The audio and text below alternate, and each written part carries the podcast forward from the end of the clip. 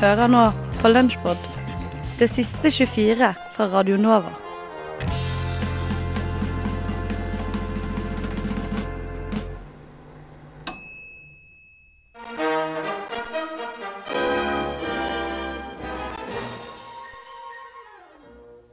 Direkte fra Studio 1 i Oslo. Gjett min klage.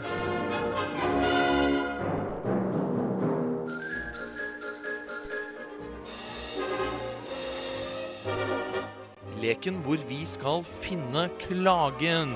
Kan du se klagen? Kan noen se klagen? Hva er klagen?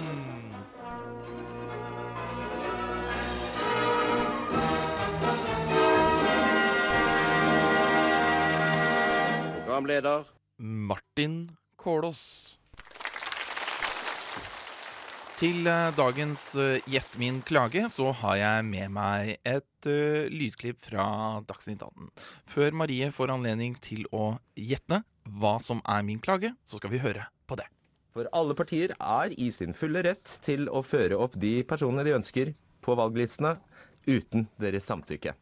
I'm too sexy for my love, too sexy for my love, love's going to leave. Modell, TV-personlighet Vendela Kirsebom, du er altså en av de kjendisene som er satt opp Ja. på Samfunnspartiets eh, liste. Ja. Bare forklar oss din reaksjon da du skjønte det. Ja, nei, jeg syns jo det er helt grusomt og helt forkastelig at det er mulig å gjøre en sånn ting. Å melde noen inn i et politisk parti. Altså politikk og hva man mener om politikk, det er jo veldig privat og en, noe som man stemmer på. Jeg har jo aldri i min villeste fantasi kunnet tenke meg å stemme på dette partiet. For min del så er det virkelig forkastelig, og jeg har ingenting med det partiet å gjøre. og kommer aldri til å ha det. Altså, det er helt forkastelig. Det er helt grusomt idiotisk. Altså, jeg har Ja, jeg syns det er helt forferdelig, rett og slett.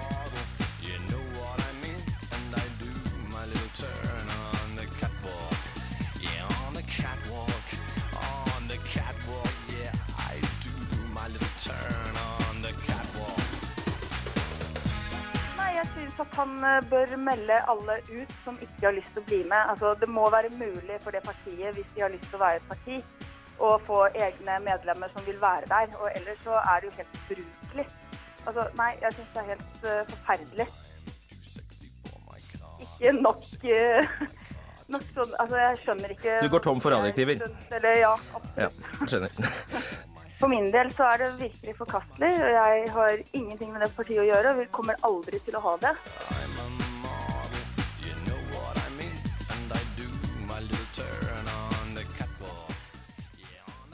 Det var eh, altså hentet fra fredagens eh, Dagsnytt eh, 18, hvor eh, Vendela Kirschbaum, Kirschenbaum eh, var intervjuet i anledning at eh, Samfunnspartiet har puttet henne på liste til stortingsvalget nå i høst.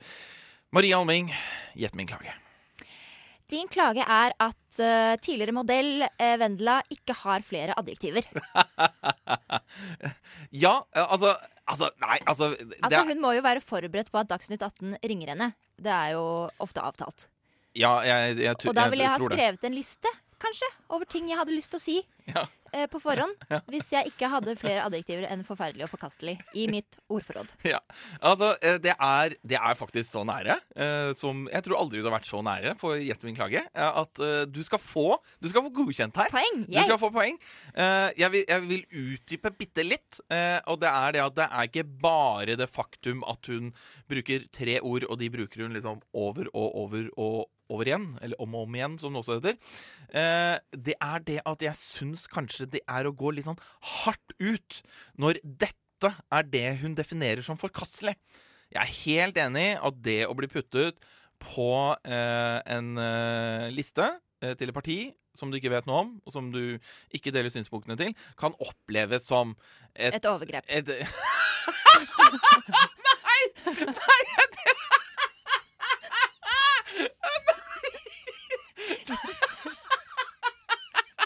Unnskyld, men det, det er akkurat det jeg prøver å si at det ikke er. Det er ikke kan- et overgrep. Jeg tenker at det kan være litt ubel... Nei, kan være litt ubeleilig. Altså, i, i, I verste fall så er det litt ubeleilig. Ja. altså det, jeg, tenker at dette her kommer Vendela over. Eh, hun har all anledning til å bruke anledningen til å si at hun ikke støtter dette partiet, samtidig som hun prøver å selge den siste boka si. Ja. Altså, Du kan altså, skrive noe på er en- Facebook og på Twitter. dette er en kjempeanledning, men altså, ting som er forkastelig, altså, eh, det tenker jeg vi skal benytte Det er mer når... sånn eh, russevoldtekt og mindreårig blir misbrukt. Ja, det vil jeg si, eh, Marie. Det er, Er et overgrep. Oh, Det er et det, er også et øh, overgrep.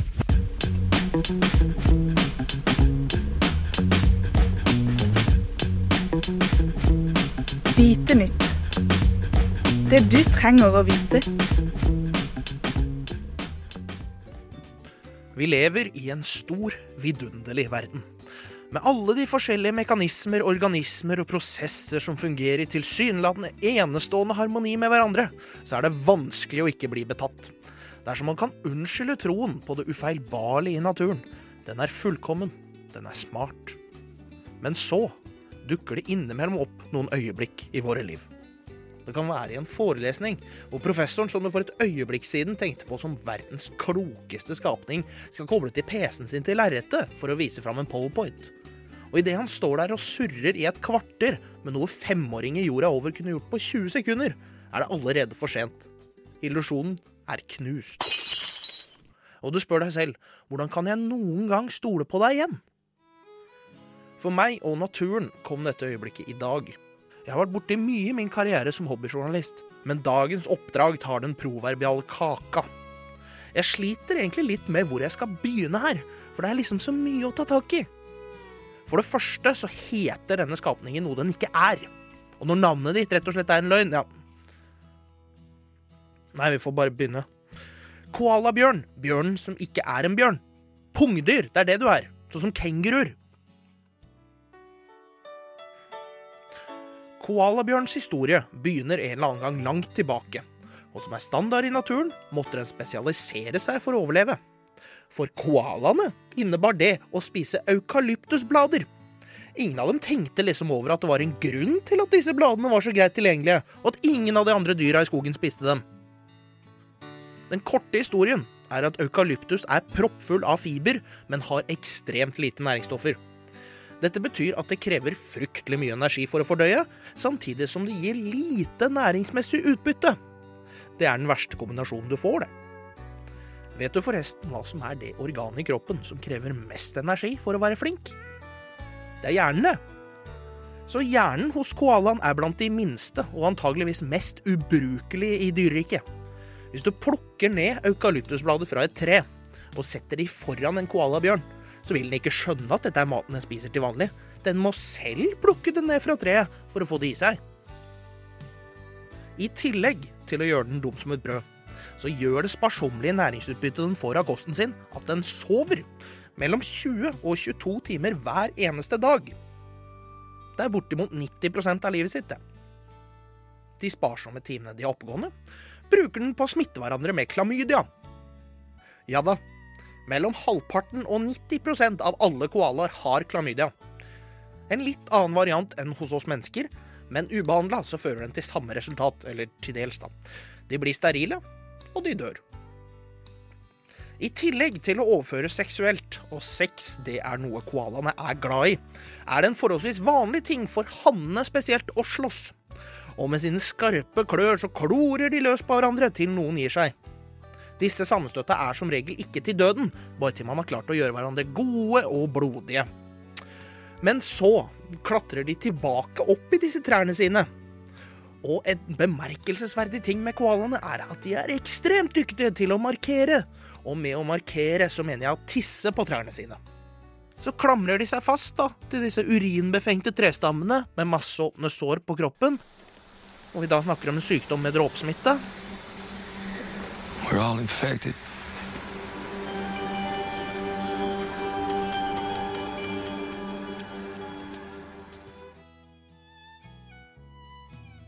Og så skal vi til dagens første catch 22. For som du kanskje visste eller ikke visste, så er klamydia en bakteriell sykdom. og for å behandle bakterielle sykdommer trenger man antibiotika. Men for koalaen er antibiotika potensielt dødelig, det. For bakteriekulturen som trengs for å fordøye eukalyptus er så heftig at i prosessen med å skulle ta knekken på klamydiaen, tar man knekken på disse også, og da dauer koalaen likevel, da, fordi den ikke får i seg maten sin. Ja Så flertallet av kalebjørnene har klamydia. Klamydia gjør dem sterile. Bestanden går ned. Jo, da må vi prøve å skape klamydiafrie bestander i skoger andre plasser i Australia, da. Og da, mine damer og herrer, har vi nådd dagens andre catch 22. Catch koala kan vi begynne å kalle det. For forsøk på å gjøre nettopp dette hadde nær katastrofale resultater. For uten klamydia til å kontrollere dem, formerte de seg i et voldsomt tempo. Og plutselig så sto enorme mengder skog i fare. Og sluttresultatet ville jo vært at koalaen hadde spist seg fra gård og grunn. Og døde ut likevel. Så da måtte man inn og kjemisk sterilisere dem da, for at de ikke skulle drepe seg selv. Genialt! Idiot. Eller Eller har vi det nettopp der? For uansett hva vi gjør, så finner koalaen en måte å dø på. Så kanskje jeg bare har sett på det her på helt feil måte? Det er vi som står i veien. Naturen vet hva den vil. Ja ja, så fikk jeg kanskje beholde min barndoms ro likevel, da. Og før du blir forleida over situasjonen til den søte koalabjørnen. Det her er sånn de høres ut.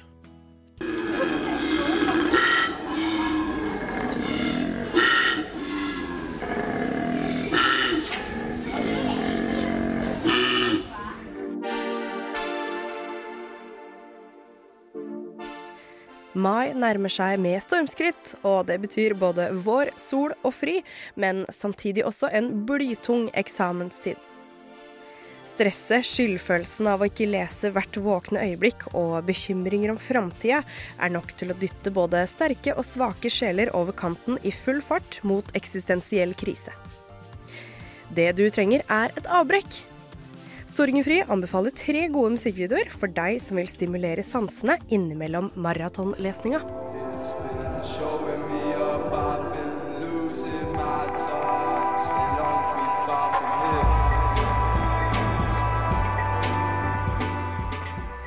For fire år siden opererte Archie Marshall under kunstnerpseudonymet King Cruel, hvor han bl.a. ga ut videoen til låta Octopus. Musikken er seig og flytende, akkurat sånn som videoen. Opplevelsen av både låta og videoen minner om å være under vann, med dunkle lys og en blåtone palett. Omgitt av tang og tare hever Archie seg fra vannkanten, som vanlig kledd i dress og med sneipen i kjeften.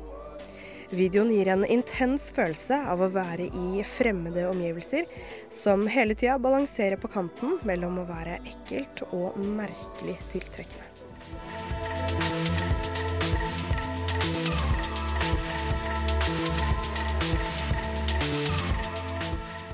Australsk-indonesiske Young Magics video til Holographic er et eksempel på klassisk bildekomposisjon satt i bevegelse.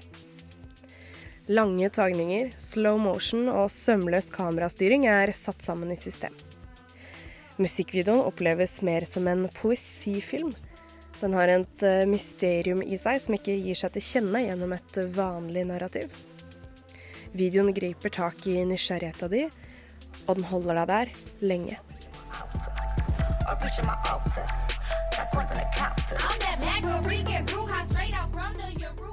I musikkvideoen til låta 'Brujas' utforsker Princess Nokia sitt puertorikanske opphav. Soundmessig er hun likevel ikke langt unna komfortsona si.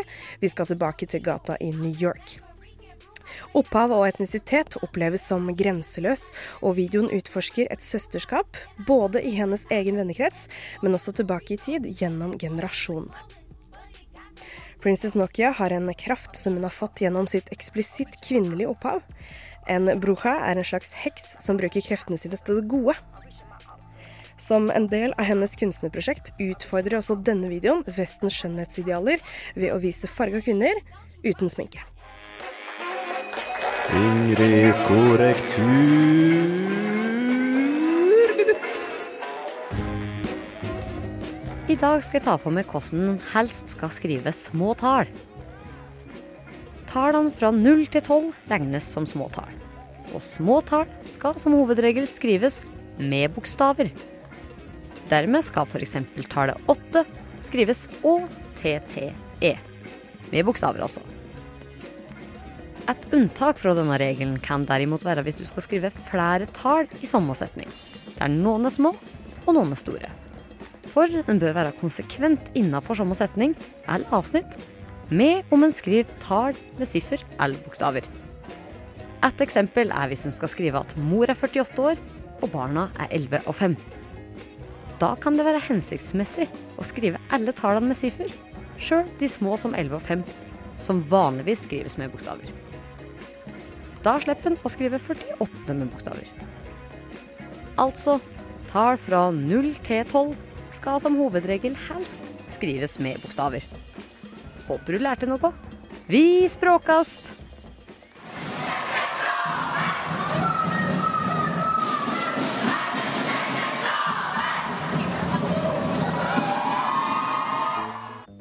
Kvinnedagsmarkeringa har gjennom historien bestått av et mangfold av kamprop og paroler.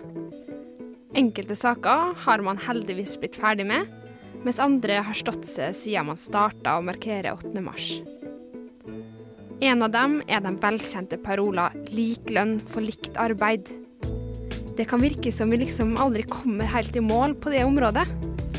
Hvorfor greier ikke Norge, som er et av verdens mest likestilte land, å sørge for at likt arbeid er lik lik lønn? Kan det være så vanskelig? Og hvis ikke Norge klarer det, hvem andre?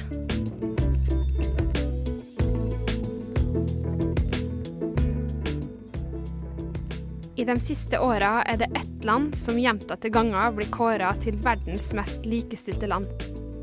Det er faktisk ikke Norge, som kanskje mange tror, men eh, Island. Den lille øya med drøye 330 000 innbyggere slår altså både Norge, Sverige, Danmark og Finland på de fleste områder innenfor likestilling. Kanskje de kan gi oss svaret på hvordan man sørger for at Kari er sikra den samme lønna som sin kollega Per, og at Mohammed er sikra den samme lønna som sin kollega Solveig.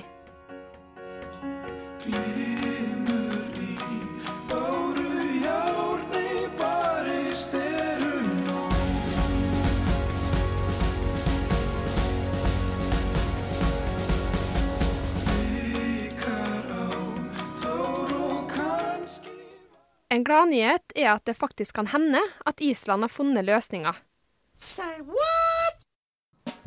På 8. mars i år kunne den islandske likestillingsministeren Torstein Viglundsson opplyse om at regjeringa vil fremme et forslag som pålegger enhver bedrift med over 25 ansatte å gjennom en attest bevise at man betaler kvinner og menn den samme lønna. Og gjennom en attest bevise at man betaler kvinner og menn den samme lønna. Målet er at denne loven skal være så vanntett at det ikke er mulig å lure seg unna. Det skal rett og slett bli umulig å forskjellsbehandle.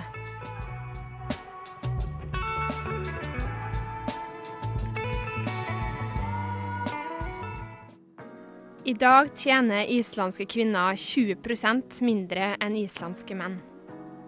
Hvis man fjerner faktorer som f.eks.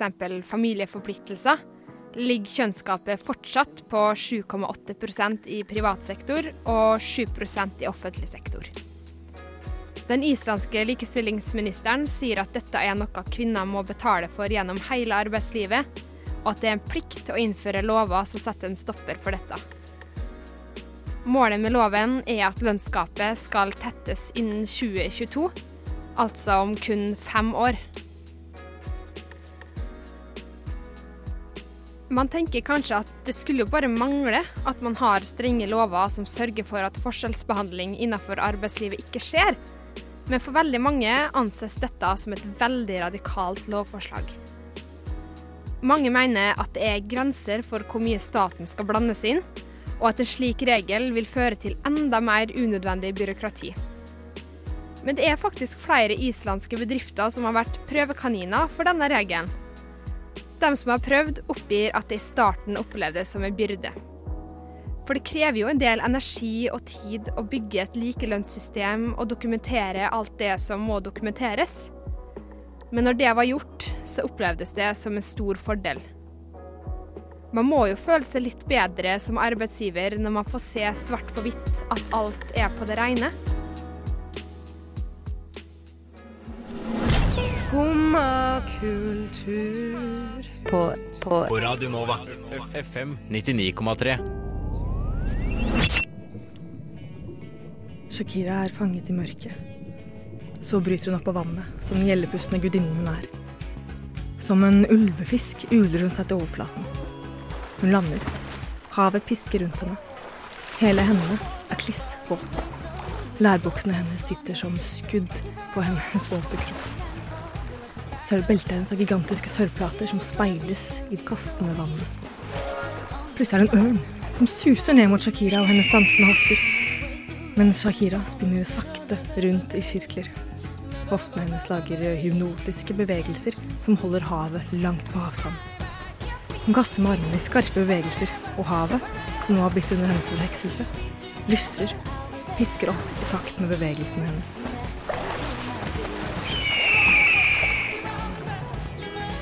Dronning av havet. Etter å ha mestret havet gir Shakira seg nå ut på den neste utfordringen verden har å kaste etter henne. Ørken. Det er mye vind i ørkenen, men heldigvis blåser den håret hennes akkurat perfekt ut av ansiktet, så vi kan se hennes smuldrende blikk uten forstyrrelser.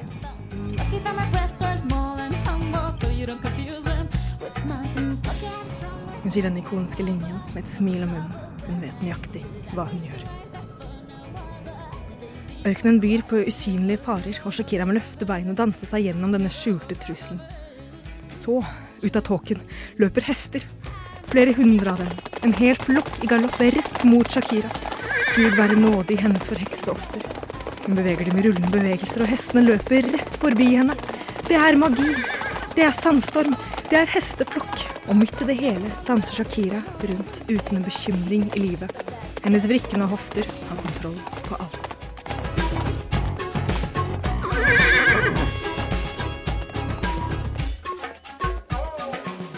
Fra det sterke havet til den stormende ørkenen til den ikoniske gjørmen. Shakira er plutselig ubeskrivelig dekket av gjørme. Hun mestret havet, hun mestret stammen, hun mestret hestene, men vil gjørmen beseire henne? Hun vrikker, hun vrir, alt for å holde gjørmen på avstand. Men er det for sent? Korset henger fra halsen hennes, ennå ubesudlet av gjørmens skitne hender. Men kan det være? Vil troen redde henne? Hun reiser seg. Hun virvler rundt i denne uforklarlige, fraterende vinden uten en bekymring i verden. Dronning av havet, dronning av ørner, dronning av ørkenen, dronning av hester, og til sist dronning av gjørme. Finnes det noe disse hoftene ikke kan beseire? Gjørmen reiser seg opp rundt henne. Undersåttene hedrer sin nye herskerinne. Og som om ikke jord og vann var nok, nå står hun langt oppe på luften. Balanserer på de smaleste snødekte fjell. De rullende hoftene svinger seg fra ørkenen til fjellet og tilbake igjen i en eneste rullende bølge av sensualitet og makt. Herskerinne overalt har hun en siste sjanse. Et siste bokstavelig svalestup fra fjellet og ned i vannet. Der hun startet denne reisen. Hver slutt er en begynnelse. Hver start er en ende.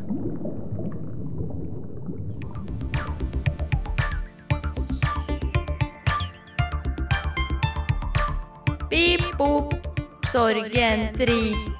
Pip, pip.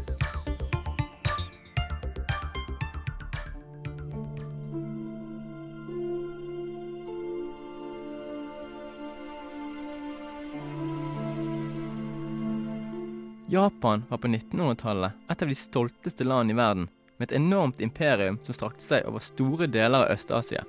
Men som historien går, blir det japanske imperiumet knust og en hel sivilisasjon etterlatt med en krise av eksistensialistiske dimensjoner.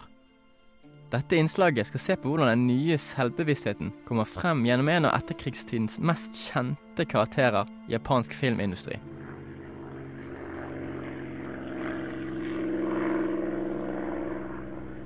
6.8.1945 setter et amerikansk bombefly kursen mot byen Hiroshima.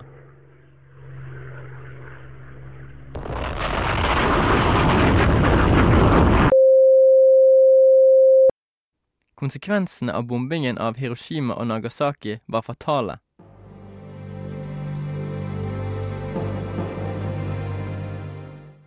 ...200 000 mennesker døde av eksplosjonen eller strålingen og flere skulle lide og dø i årene som kom. Japan overga seg umiddelbart uten vilkår. Et av verdens største imperiumer, som ikke hadde tapt en krig siden 1500-tallet, var knust, og keiseren måtte kunngjøre at han ikke var en guddom allikevel. Krigen og okkupasjonen fra fremmede makter førte til en kollektiv refleksjon rundt Japans rolle som offer og imperium. Som det eneste landet som noen gang har blitt angrepet av atomvåpen, sto naturligvis masseødeleggelse og trusler mot menneskeheten i sentrum. Store filmregissører som Kuroshava og Osu har laget filmer som behandler dette temaet. Faktisk ble det så sentralt i hele kulturen at man valgte å kalle dem Hibakusha-cinema, oppkalt etter Hibukasha-personer, mennesker som er ettervirkninger av bombene.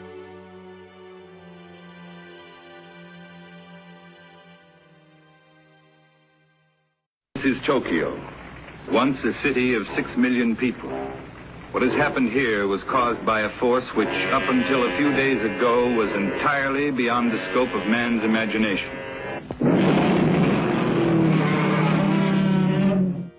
I 1954 kom en av filmene som tematiserer eksplisitt atomvåpen og dens ødeleggende krefter. Godzilla ser dagens lys, og metaforet er tydelig. Godzilla blir vekket av en atombombesprengning i Stillehavet og begynner å angripe de nærliggende menneskebyene, nærmere bestemt Japan. Til menneskenes store overraskelse tar ikke Godzilla, kongen over alle monstre, skade av atombomber. Det blir tvert imot sterkere av strålingen. Den amerikanske versjonen av filmen ble kuttet med 40 minutter og tilføyd 20 nye minutter for å dempe atombombetemaet. Men amerikanerne klarer likevel ikke å dempe det sterke inntrykket av en totalt ødelagt japansk by etter at Godzilla gikk amok.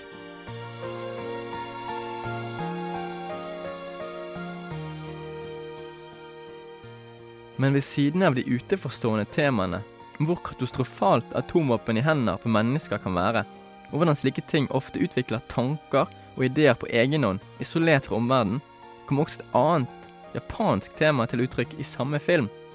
Som en gammel mytologisk legende fra de japanske øyene blir Godzilla mer enn en destruktiv kraft sluppet løs fra et land langt vekke.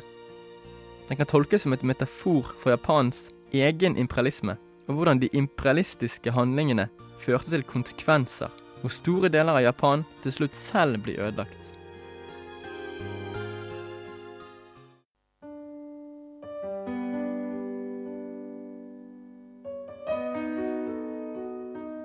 Etter filmen fra 1954 skulle Godzilla fortsette å overleve i populærkulturen. Den kalde krigen kalles på metaforets dagtaktualitet. Men veien fra skrekk til tull og humor er ikke lang, og snart var settingen langt mer useriøs. I filmen Son of Godzilla fungerer Godzilla som en antihelt og beskytter mennesker og sin egen baby mot de gigantiske knelerne Kamakuras. Godzilla ble en helt i japansk populærkultur. Han vokste inn til metaforet som spiste Japan. Gjennom de siste 50 årene av 1900-tallet lærte Godzilla verden to stop worrying and love the bomb.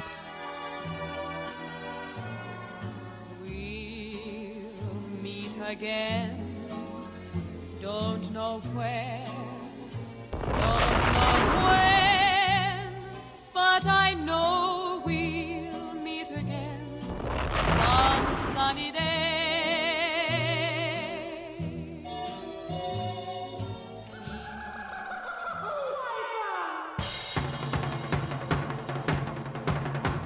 Rushtid mandag til torsdag fra 3 til 5 på Radio Nova. Nei, nei, nei! nei!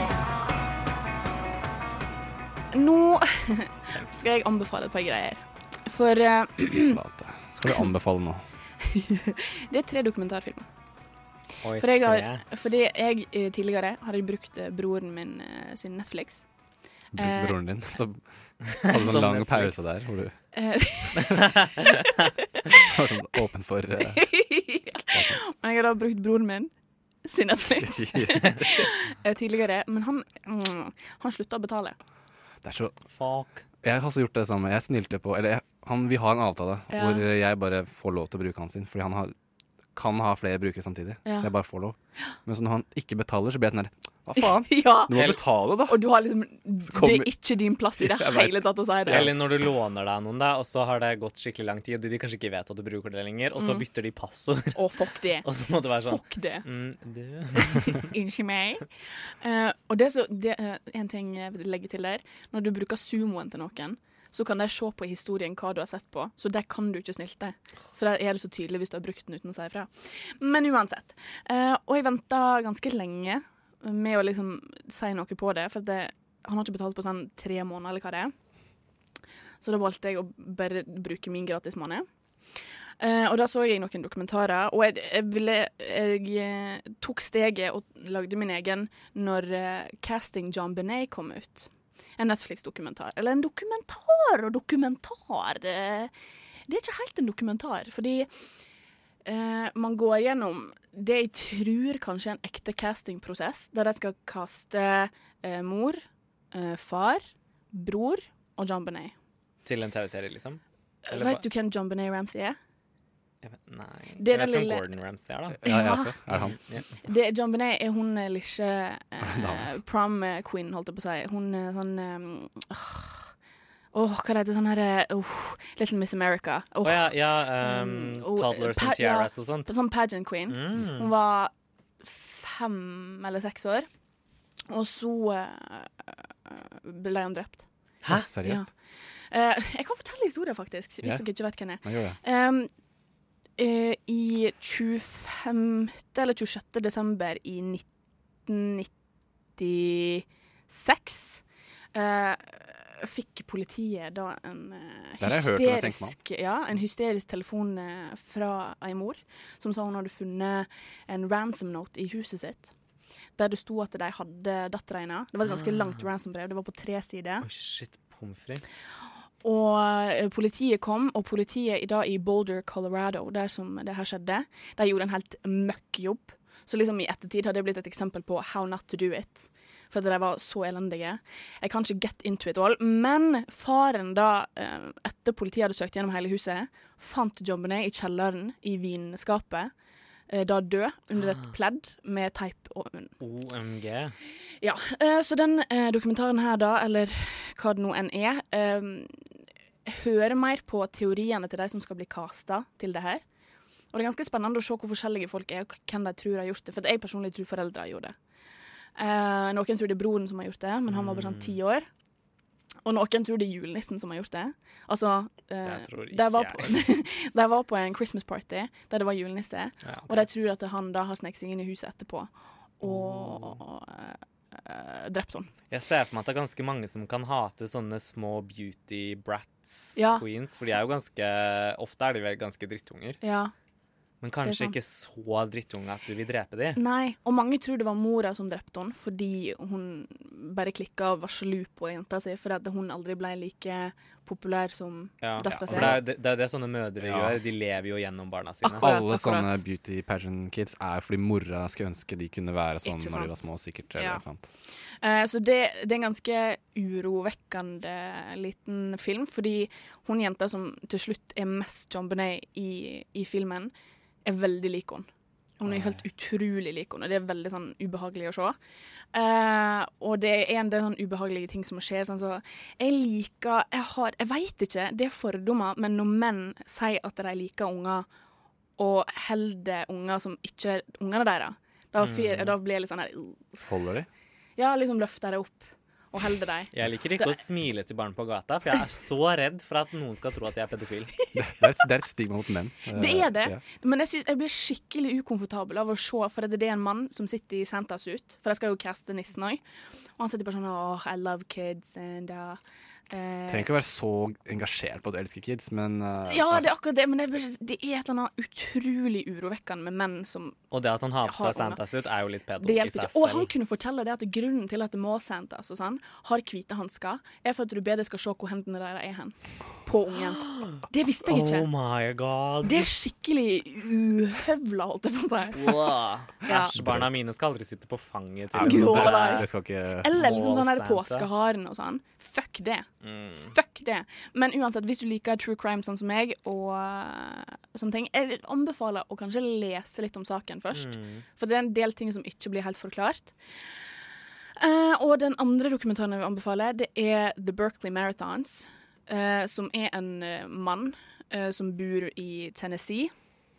Og når han hørte når eh, Han som skjøt Martin Luther King jr., han rømte fra et fengsel i det området og kom seg bare sånn her 18 miles, eller hva det var, på 55 timer. Så sa han bare sånn ah, I could get 100 miles on 55 hours. Og da lagde han et maraton. Maraton? Han lagde et maraton som var, det var 60 timer på å springe fem runder på 100 km. Eller 100 miles, da. OMG, da hadde du dødd. Det er helt sjukt. Og han fyren er en utrolig sånn Han virker litt sånn sadistisk. Men han helt, du får liksom en sånn der kjærlighet for han For at han er så utrolig kul.